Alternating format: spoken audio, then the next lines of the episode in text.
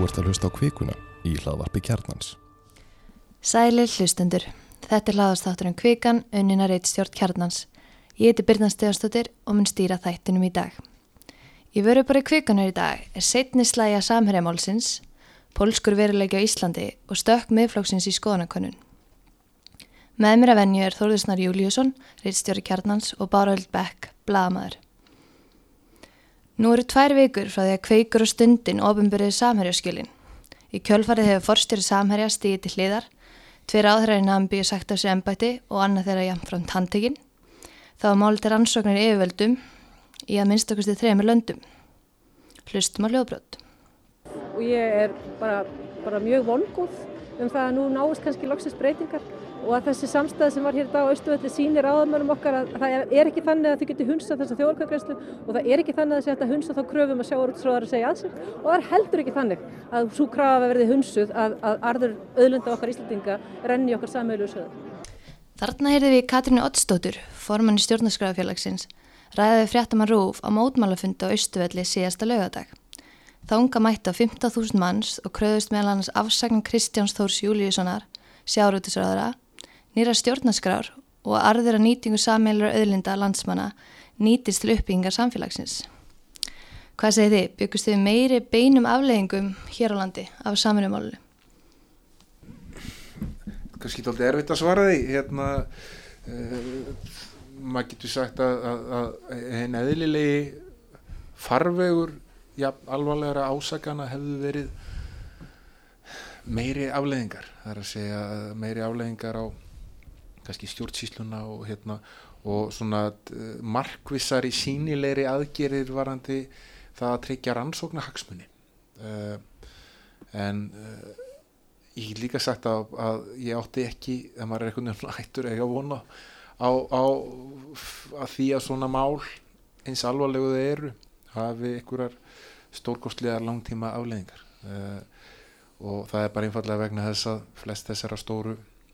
nexlismála sem hafa komið upp á undarföldnum árum hafa ekki haft uh, stórgóðslegar langtíma afleggingar uh, og þau eru búin að vera næstu í árlegi í mörg ár. Það eru þetta mörg mál líka tengt hruninu og slíku sem fóru ekki í neitt eiginlega farveg og hérna hafðu ekki neinar sérstakar afleggingar og það er svona uh, maður skinnja það heilt yfir að, að fólk yfir höfuð verist vera á á þeirri skoðun að það fara að búast við því að, að eitthvað sem virðist að minnstakosti uh, eh, svona samkvæmt allir í hljóðan vera uh, stereotypu spillingarmál uh, alvarleg spillingarmál sem hafa áhrif á orðspór Íslands alþjóðlega sem ífélast möguleg lögbrot sem auðvitað ífélst Eh, ætlað arrán á, á auðlindum eh, fátarkra þjóðar sem við vorum að reyna að hjálpa áratugum saman. Að það muni ekki hafa uh, neinar sérstakar afleggingar og það kannski í sjálfu sér eitt og sér er bara frekar daburt að, að, að fólk sé eitthvað búin að tilengjast það viðmót. Og það svona uh, vegna sem ég fannst alveg eftir eiginlega öll þessi svona kannski síðustu neykslismál að það væri svona einhver neisti að fólk væri að horfa vonandi verður þetta einhvern veginn til þess að breyta einhverju. En uh, það hefur ekki einhvern veginn það verist vera sem sá neisti hafi, hérna, hafi sloknað uh, og fólk bara einhvern veginn fara að búast við því að, að hluti til muni halda áfram í sama fari. Já, ég sá það á mótmálafundunum sem var núna um helgina það var nú svona töluvelt fjölmerana hefur kannski verið undanfarið. Þannig að það má nú kannski sjá að það er ennþá von svona hjá fólki, það er ennþá mæta og, og þannig er talið melli fjögur og femþúst mann sem mættum helgina. Og það virtist vera greiðalega svona samstað hjá þessu fólki og kannski með um, skýrar kröfur hvað þetta gerast að, að Kristján Þór Júliusson þyrta að segja af sér. Um, að sjávar auðlundinda rætti að fara aftur til fólksins og í þriðalagi eh, að sagt, Íslandingar ætti að fá nýja stjórnarskrá. Þetta er þetta sko, svona ólíkur hópur kannski sem hefur sótt þarna á lögadaginn með aðeins mismundu kröðan samt sem áður virtist vera mikið samstæða þannig að uh, ég er sammála á þorriðsnæði að maður hefur kannski fundið svona aðeins fyrir um, svona eins og að lofti sem svolítið fara úr mótmála blöðrunni en um, kannski á svona síðustu misserum en það er nú samt ekki annað sagt en að það hefur nú verið svona ákveðin orka hann á austuvelli um helgina. Fannst þér orðaðan á austuvelli verið aðeins öðru sem hún hefur verið vanlega? Tala um arðrán, auðvaldið, kapitalisma, byltingar? Já, að þarna, já þetta er nú kannski búið að vera svona síðustu, já ég veit það ekki, ár, eitt og hálft ár að orðaðan er að breytast þannig að þetta var svo sem alveg kunnulegt þannig sko. En jú, vissulega með að við kannski fimm ár eða, eða tí ár frá hruni jafnvel. Þetta er líka í sammála báru því að, að maður fundið þess að orðraðu breytast stoltið með uh, þeim breytingu sem átt sér staði í verkefælisreiningunni vegna þess að uh, það fólk sem hefur komist uh, til fórustu þar hefur talað með mun sterkari hætti um alla þessar svona stjættabáratu sem þau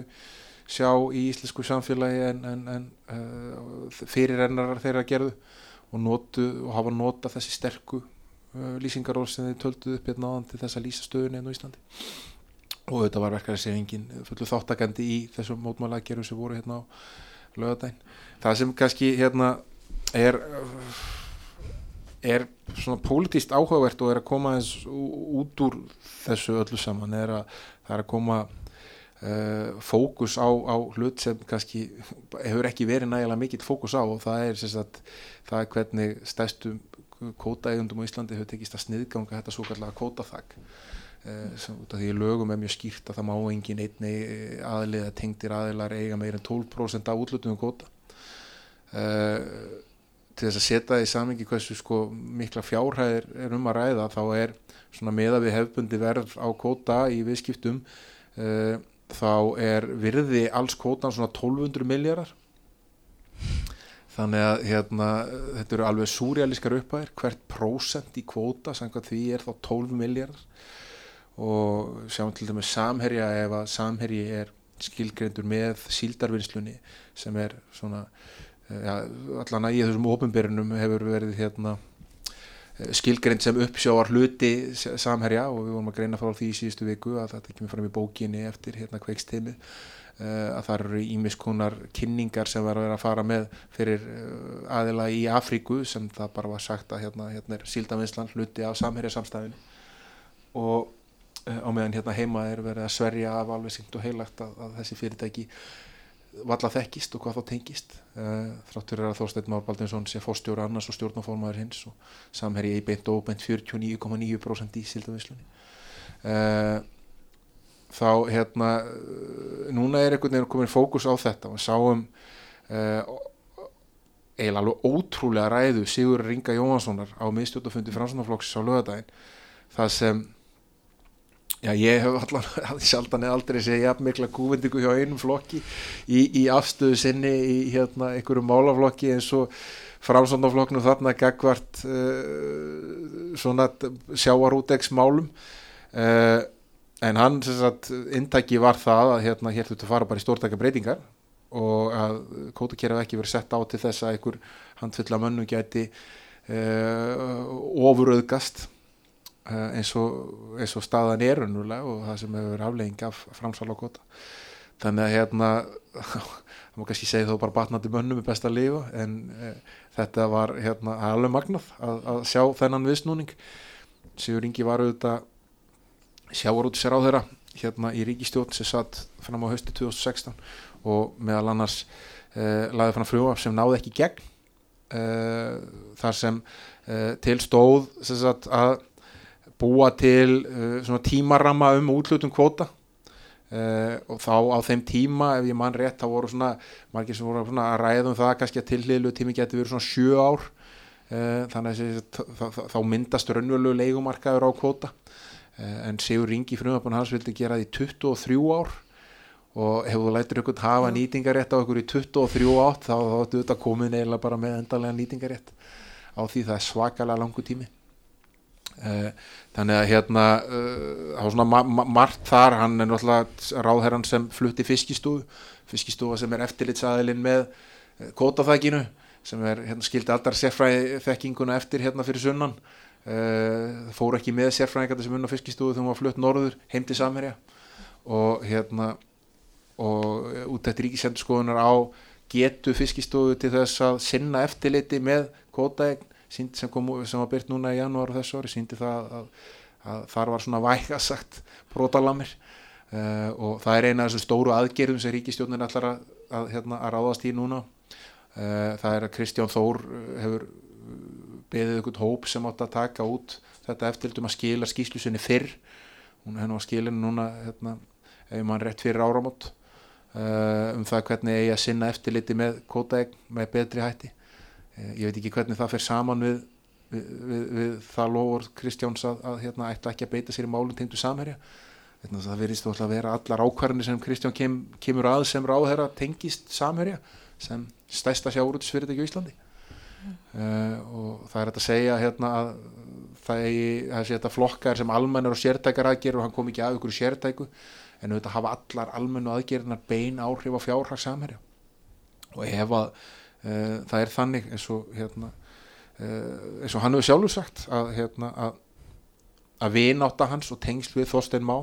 sé þess eðlis að það getur skapað tórtrykning í kringum ákvarðanir sem tengir samherja. Þá það að gilda um almennar ákvarðanir sem sértækar vegna þess að almennar ákvarðanir hafa í flestum tilfellu meiri áhrif á fjárhagssamherja en þessa sértæku. Og þar að leiðandi er Kristján Þór þá orðin vanhæfur til þess að setja þessi sjáurútsöðara mm. Hann verist alltaf að setja sem fastast. Haldur á mói sem þingmaði pírata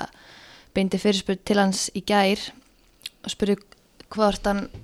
sérst, hver viðbröðans væri við mótmálafundinum um helgina.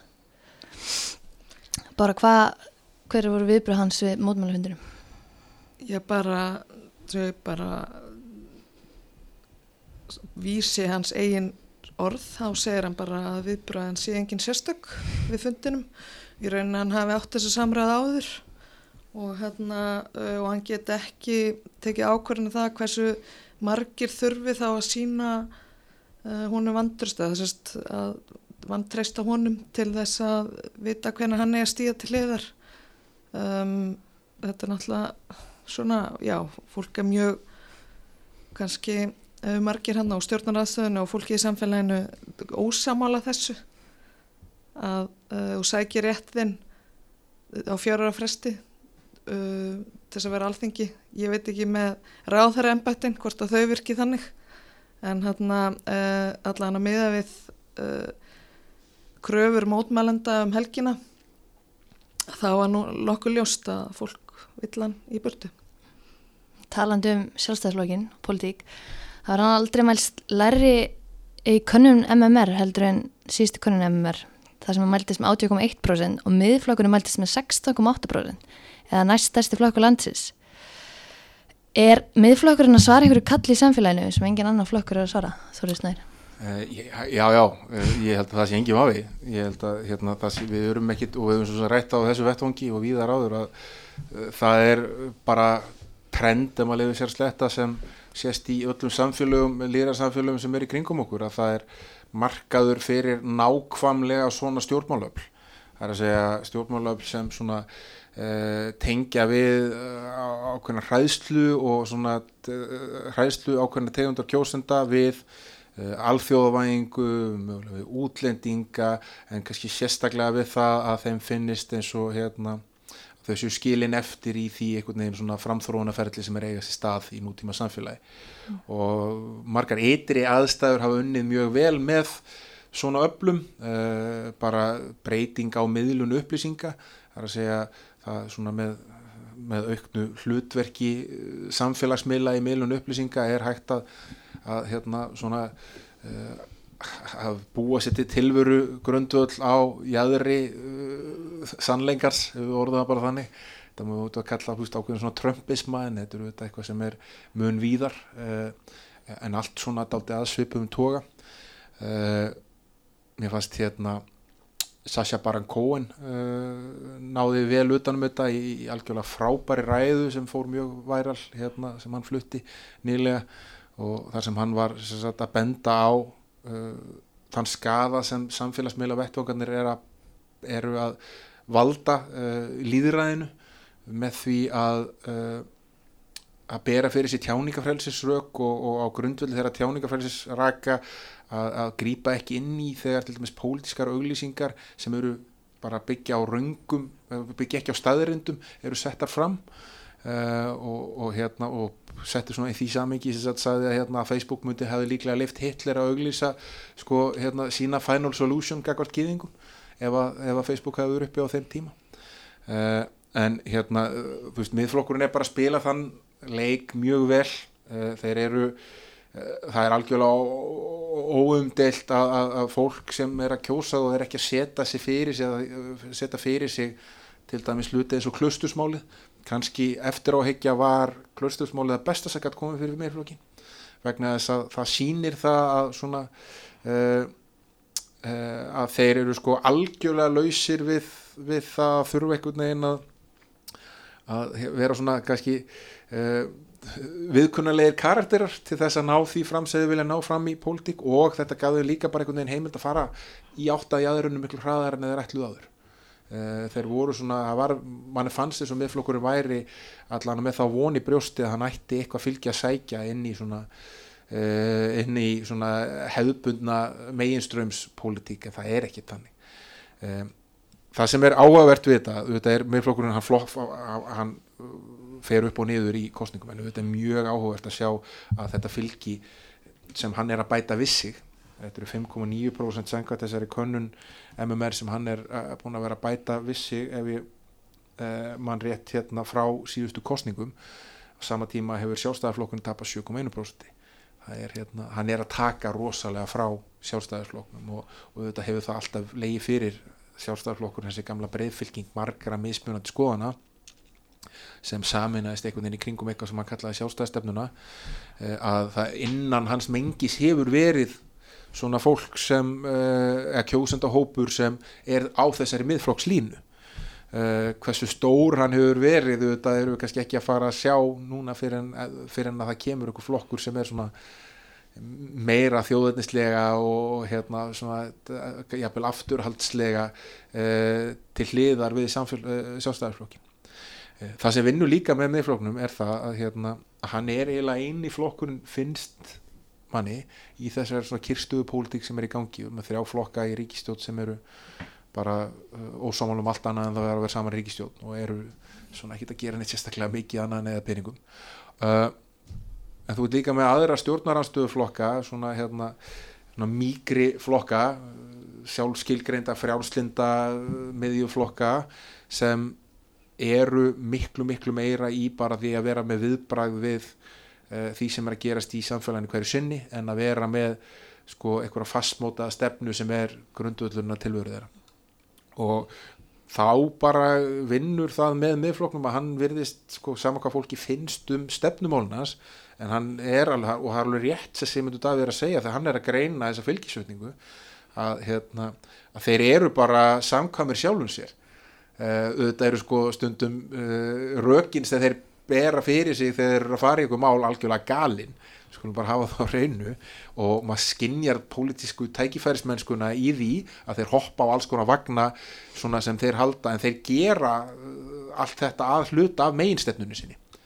Á meðan svona hérna kannski hinnir mýgru flokkarnir eru að einhvern veginn alltaf að, að bregðast við svona bregði vikunar hverju sinni. Mm. Uh,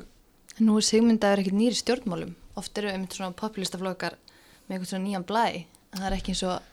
Nei, en Sigmundur Davíð er samtíðis búin að vera rosalega margt í stjórnmálum. Mm. uh, hann var rosalega ungur þegar hann kemur fram á sviðið og þá kom hann inn sem svona hérna, þótti mjög spennandi kostur fyrir svona framsýnt alþjóðlega þingjandi fólk, hann bara gæti sér gott mm. orð fyrir það að, hérna,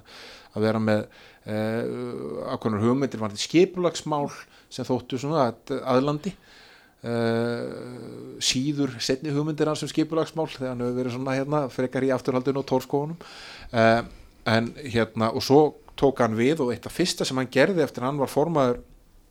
fransunarflokksins var það að stíga upp og, og ákveða að verja minni hlutastjórn uh, viðstir Gretna og samfélkingarna sem var mynduð hérna eftir hrunnið fram að næstu kostningum sem er eitthvað svona pólitísk bræð sem maður aldrei séð á Íslandi áður uh, að hér sé minnlutustjórn að setja í vari eitthvað svona mann sem var bara nýkomin inn á sjónarsviðið og þetta þótti mjög svona framsækið og, og flott. Og svo endar hann í stjórnaranstöðu og hérna og verður einhvern veginn svona líka andlit æsif málsins og hérna uh, með réttu veist, hann var hérna hluti af þessum svona græsóta samtökum sem uh, hóf þá baráttu og, og þá finnur hann svona þessar svona þjóðverðnislegu tengingu sem hann hefur, hefur svona engjendandaldi sem stjórnmálmann alltaf síðan og gerði sannlega þegar hann var fósættisráðara uh, sem fósættisráðara var hann bara, bara enginlur, hann var fann að taka alls konar svona skrítar ákvæmni, var virkað á stundu bara mjög vænisjúkur, byrjaði á því einhvern veginn að skrifa greinar um, um það hvað hérna fjölmilar væru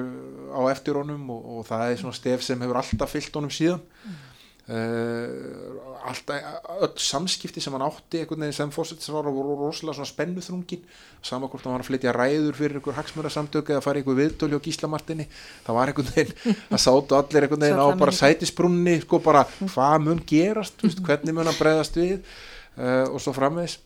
og sem náðu þetta einhverju svona hámarki í súrealismannum kring Panamaskjölin og, og eftirmála þeirra. Mm. uh, og endaði svona með því þegar hann hérna þegar hún var sparkað til hliðar í, í, í frásvonafloknum í einhverju spennuð formanskostningu sem ég mann eftir mm. sem svona pólitískur áhórandi þannig að hérna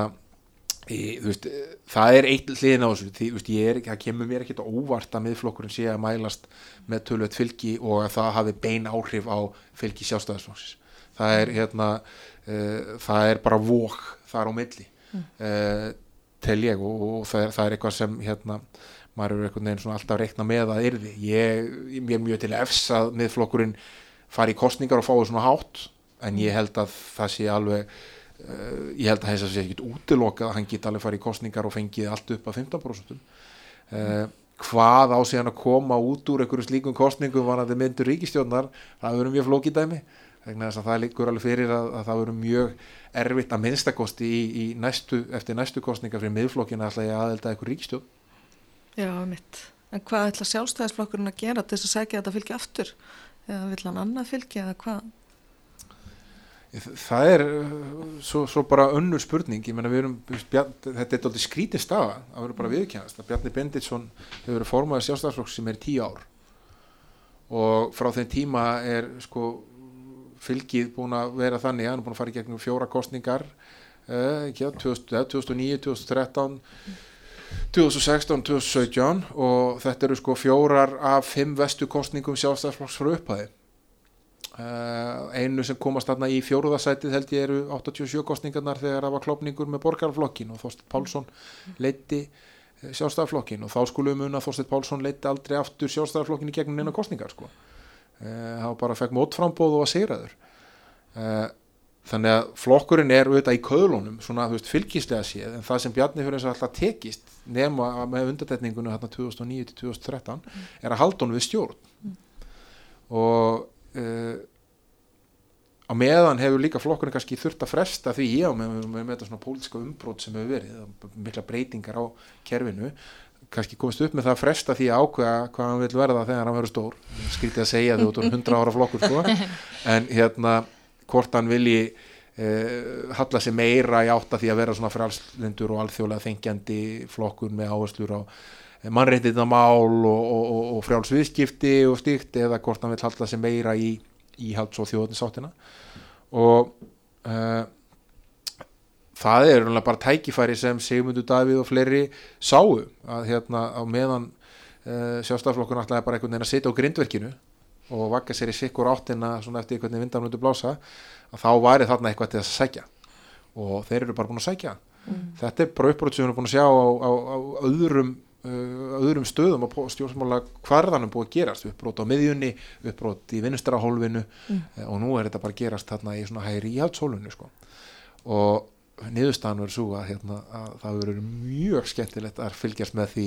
hvernig ríkistjónir uh, hvað, hvaða ríkistjónaminstur er hægt að mynda úr þessu alls saman en það er ekkit sérstaklega sínilegt nema þessu sko, fjórir flokkar uh, nema kannski að menn hérna ganga með þá trúum að hann hafa verið að mynda ríkistjón sjálfstæðisflokks, miðflokks og samfylkingar sem ja, gæti orðið mjög áhuga verið ríkistjón en ég held að séu hérna nánast engin möguleikar á því að, að, að, að henni verði. Uh, en að hérna í stöðun er ekki annað en stjórnakreppa að óbreyttu. Nú að Ragnarþór formar vaffar eitthvað þrejða fyrir sér með stjórnmálflokk verkefliðsfjöla Geti það verið eitthvað? Nei, er kannski stutt að svari ég, mér, mér finnst þetta svona, svona, ég skil alveg hugum, svona, svona pælinguna en hérna í fyrsta lagi uh, þá verður að leggja upp með það að það sé svo dyri sjóðir á verkefælsfélagunum og það eru þetta bara leikreglunum um það hvernig má nota fjármagn í stjórnmálum. Það er reyndar þannig, við skulum hafa það hugfast eða skoft þannig hérna, að uh, flokkar fá undatekningu á fyrsta ári æfisennar þannig að það er alveg þetta og til þess eins og þegar viðrist bauð fyrst fram eh, 2016 þá var dælt peningum inn í viðrist hérna svona í aðdraðanda þess að þeir voru að fara fram. Þannig að það eru þetta svona það eru kloppur þar sem hægt er að nýta til þess að að, svona, að íta peningum inn í, í stjórnbólum með þeim hætti. En ég held að hérna að ef að verka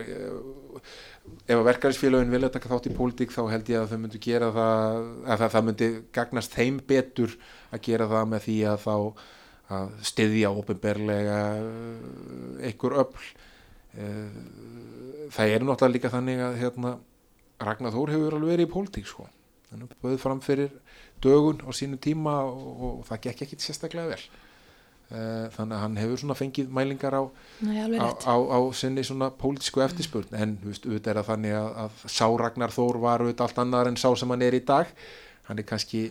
uh, og eiginlega alveg 100% með meira pólitísk kapital í dag en, en hann hafiði þá uh, og er svona búin að ná miklu betri tökum á þessar aðferðafræði sem hann beitir í, í ofnbjörn umræð uh, en ég held að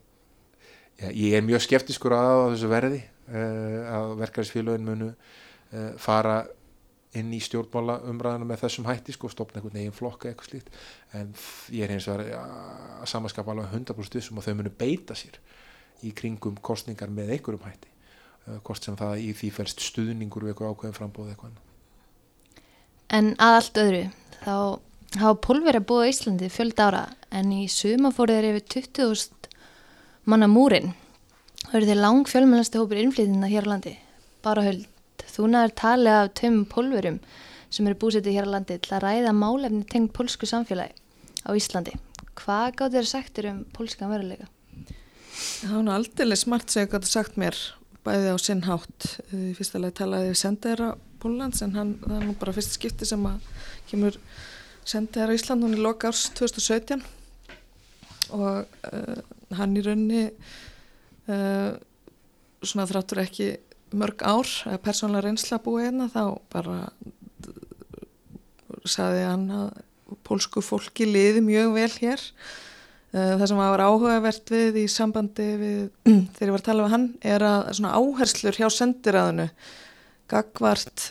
uh, í rauninni bara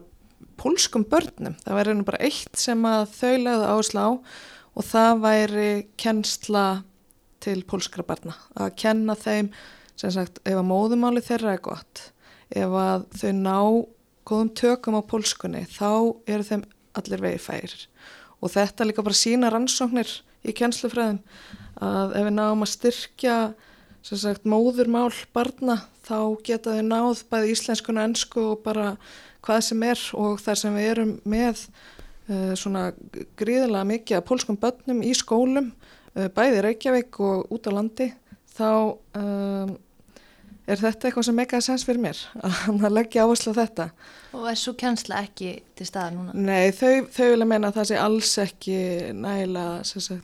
hugaða þessu mm. og alltaf þetta gera betur og uh, hann nefndi þrjá skóla á hellu uh, Selfossi, já allavega nefndi hann aðalega Selfoss að þau voru að gera mjög góða hluti þar og væri henni brautriðendur og uh, svona kvatti sérstaklega Reykjavíkuborg mm. til þess að uh, kanna þetta. Þannig að það veri hægt að uh, styðja þessa krakka, nú fæðast 500 pólspötn ári þannig að við getum bara reiknað að, að með við þróunina þráttur að hugsanlega eftir að hægjast á þessar fjölkun núna þar sem efnaðs ástand í Pólandi er hugsanlega að vera betra og atvinnleisa minga Uh, þá skiptir það gríðarlega miklu máli fyrir uh, þessi börn sem eru komin hér og þetta fjölskyldur og þetta er svo viðtak áhrif og líka gott bara fyrir Íslands samfélag að huga vel á þessum hópi Svo, svo talaði einnig með hana önnu uh, Djætinska. Uh, hún kom yngað fyrst til lands 1996 og hún uh, kláraði mannfræði, doktori mannfræði frá Áskul Íslands hún í sumar. Hún hefur kannað mikið aðstæður pólverja uh, verkafólks hérna og í rauninni tengsl uh, bæði við Íslendinga og svo við fólki sett úti. Og það var rosalega áhugavert tala á hana. Hún hafði margt og mikið að segja og auðvitað eru pólverjar á Íslandi sko með ólíkar skoðanir og ólíkar reynsli eins og þeir eru margir. Auðvitað, auðvitað segja þessi sjálft. Það er svona hljómastundum svolítið enkennilega að vera að tala um pólverja sem einhvern ein, einsleitan hóp með alveg sömur einslu. En vissulega hægt, er hægt kannski að skoða þessa reynslu eins og hún hefur gert í gegnum eiginlega rannsóknir. Bara hún tekið viðtöl við sko töyjumann sem hefur búið bæði lengi og, og svo skemur. Og aðlega þetta fólk sem kemur hingað að vinna og hefur þá ynglengst og það er svona skemmtilega sögur sem hún hafði að segja. Til dæmis einn kona sem hún talaði við sem er sérst búin að búa hérna yfir 20 ár og hún er alltaf á leðinni að flytja heim. Og en einhvern veginn er alltaf hér. Og svo á móti uh, tala hún líka við unga konu sem ætlaði bara rétt að kíkja hérna yfir sumar og var bara ástfangin að landa þjóð og er bara flytt þannig að auðvitað er þessi reynsla svona marg þætt og mismunandi. Eh, kannski áhugavert varandi fordóma, ég hef svo mikið áhuga að hlusta á eh, eða vita meirum bara hvort það myndi upplega fordóma. Og það var kannski sama sagan þar að sumið gerðu það, upplöðu mikla fordóma. En svo um leiðu voru komnir inn í samfélagið þá sérstaklega út á landi þá upplöðu þessi eins og þau verið komin sérst, inn í hóp fólks þar en þá fór kannski sama fólk að tala um pólverja eins og þau væri ekki pólverjar. Það er að segja að leðan komin inn í mengið Íslandingur þá er þetta orðið í lagi. Uh, en Spilir störf einhverju rulli þar? Sess, hvernig þeir upplýðu Ísland eða aðlega samfélaginu? Það var einmitt mjög áhugavert sem hún segði að hún segi mun á því til dæmis fyrir uh, fimm eða tíu árum að þá upplýða hann eins og fólk sko það væri borið meiri verðin hverju fólki en þá tengdu það sérst við að bara almennt væri kannski verðing fyrir láleinastörfum að minka, verðingin væri að minka og þar að leiðandi væri kannski verðingin fyrir pólverum líka að minka. Mér ást þetta uh, mjög áhugavert í því ljósi að, uh, að, að þá sjáum við sko að samfélagsbreytingar sko bara á íslensku samfélagi hafa áhrif þetta líka á innflytjendur. Ég myndi áhört, ég myndi einsetningana eftir hana í skýrniðinni ef samfélagi verið mjög stjættaskipt í aflætti þjóðurni ára við komin á mjög slæman stað. Áhört að tala um stjættaskipting eftir þjóðurni á Íslandi. Já, einmitt, og þetta er kannski einhver líka nýr veruleiki sem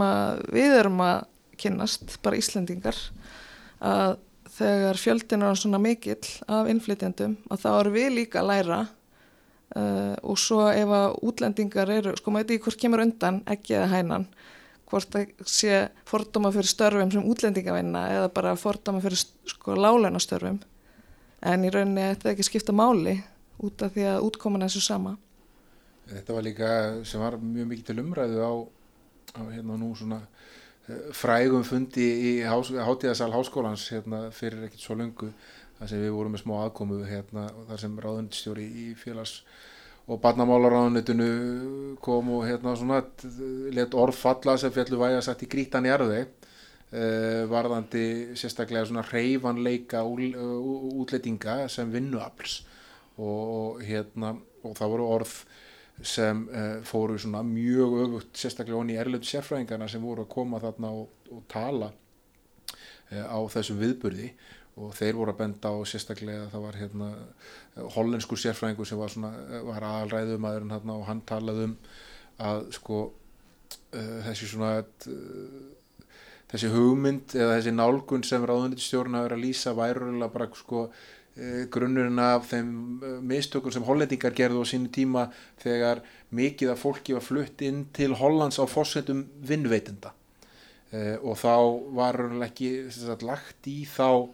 vinnu að, stuðla að aðlugun að segja að, gera fólk sem sannlega var ekkit að fara. Og við erum auðvitað að upplöða sama hérna núna, fólki er ekki að fara. Þrátt fyrir niðursveiflu og er útlendingum ekki að fækka það er að hægjast á aukningunni en það er ekki að fækka, það er að fjölga ennþá. Uh, og það, þú voru að draga þá álíktun út frá því að hérna hér sé stór hluti að minnstakosti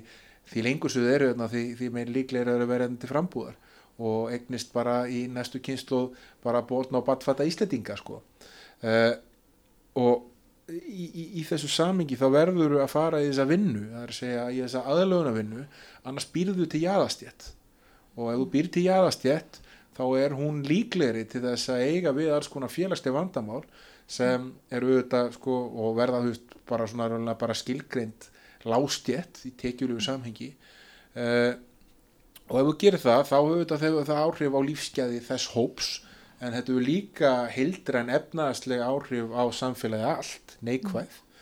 Uh, vegna þess að hérna þá er kannski kostnaðurinn meiri við það að halda upp í þessari lástíð eða styðja við hana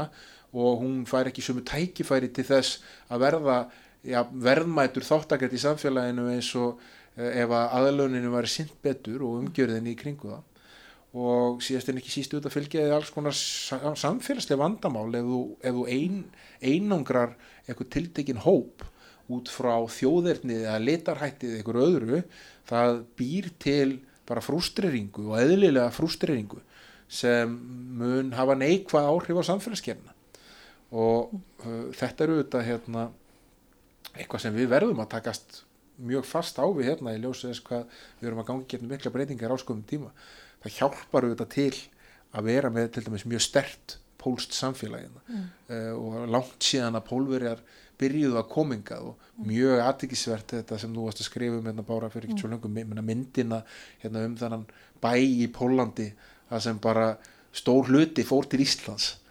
og hérna og, og, en það myndast einhver svona kjarni hérna af fólki sem heldur líka utanum þetta samfélag mm. og hefur gert í lengri tíma og margir auðvitað löngornir íslenski ríkisborgarar og, og búin að eignast hérna börn og jafnvel barnabörn sem eru bara þú veist ekki dannaður auðvitað en bara fullnum að íslettingar sko. Já, þá maður mitt bæta því við að það, þeir eru ekki taldir inn í þessar tölu sko, þannig að Ég, við erum ennþá fleiri ef ég maður rétt, við erum að tala um 20.000 sko sangvað tölum hagstofunar mm -hmm. og bætir íslensku ríkisborgarinu við þá getur við bætt við einhverju 5-6.000 viðbót og það áttu komið nokkuð stórt sveitafélag sko. mm. Líka það, ég held að uh, þegar að vera einblýna á sko vandamálinn sem fylgja innflytjandum þá kannski líka bara allt til að einblýna á hennan, sko, hennan menningar auð sem fólk kemur inn í landið og, og hversu, hvað er þetta að læra greiðarlega mikið og, og einhvern veginn sko fá það góða með hugsa, sko, hugsa að freka þannig Það auki samfélagið um mitt, en við komumst í mjög ekki lengra með kvíkuðumræðnara sinni en verðum hér að vikuleginni að skilja kjarnan frá hausminu. Verðið sæl þanga til.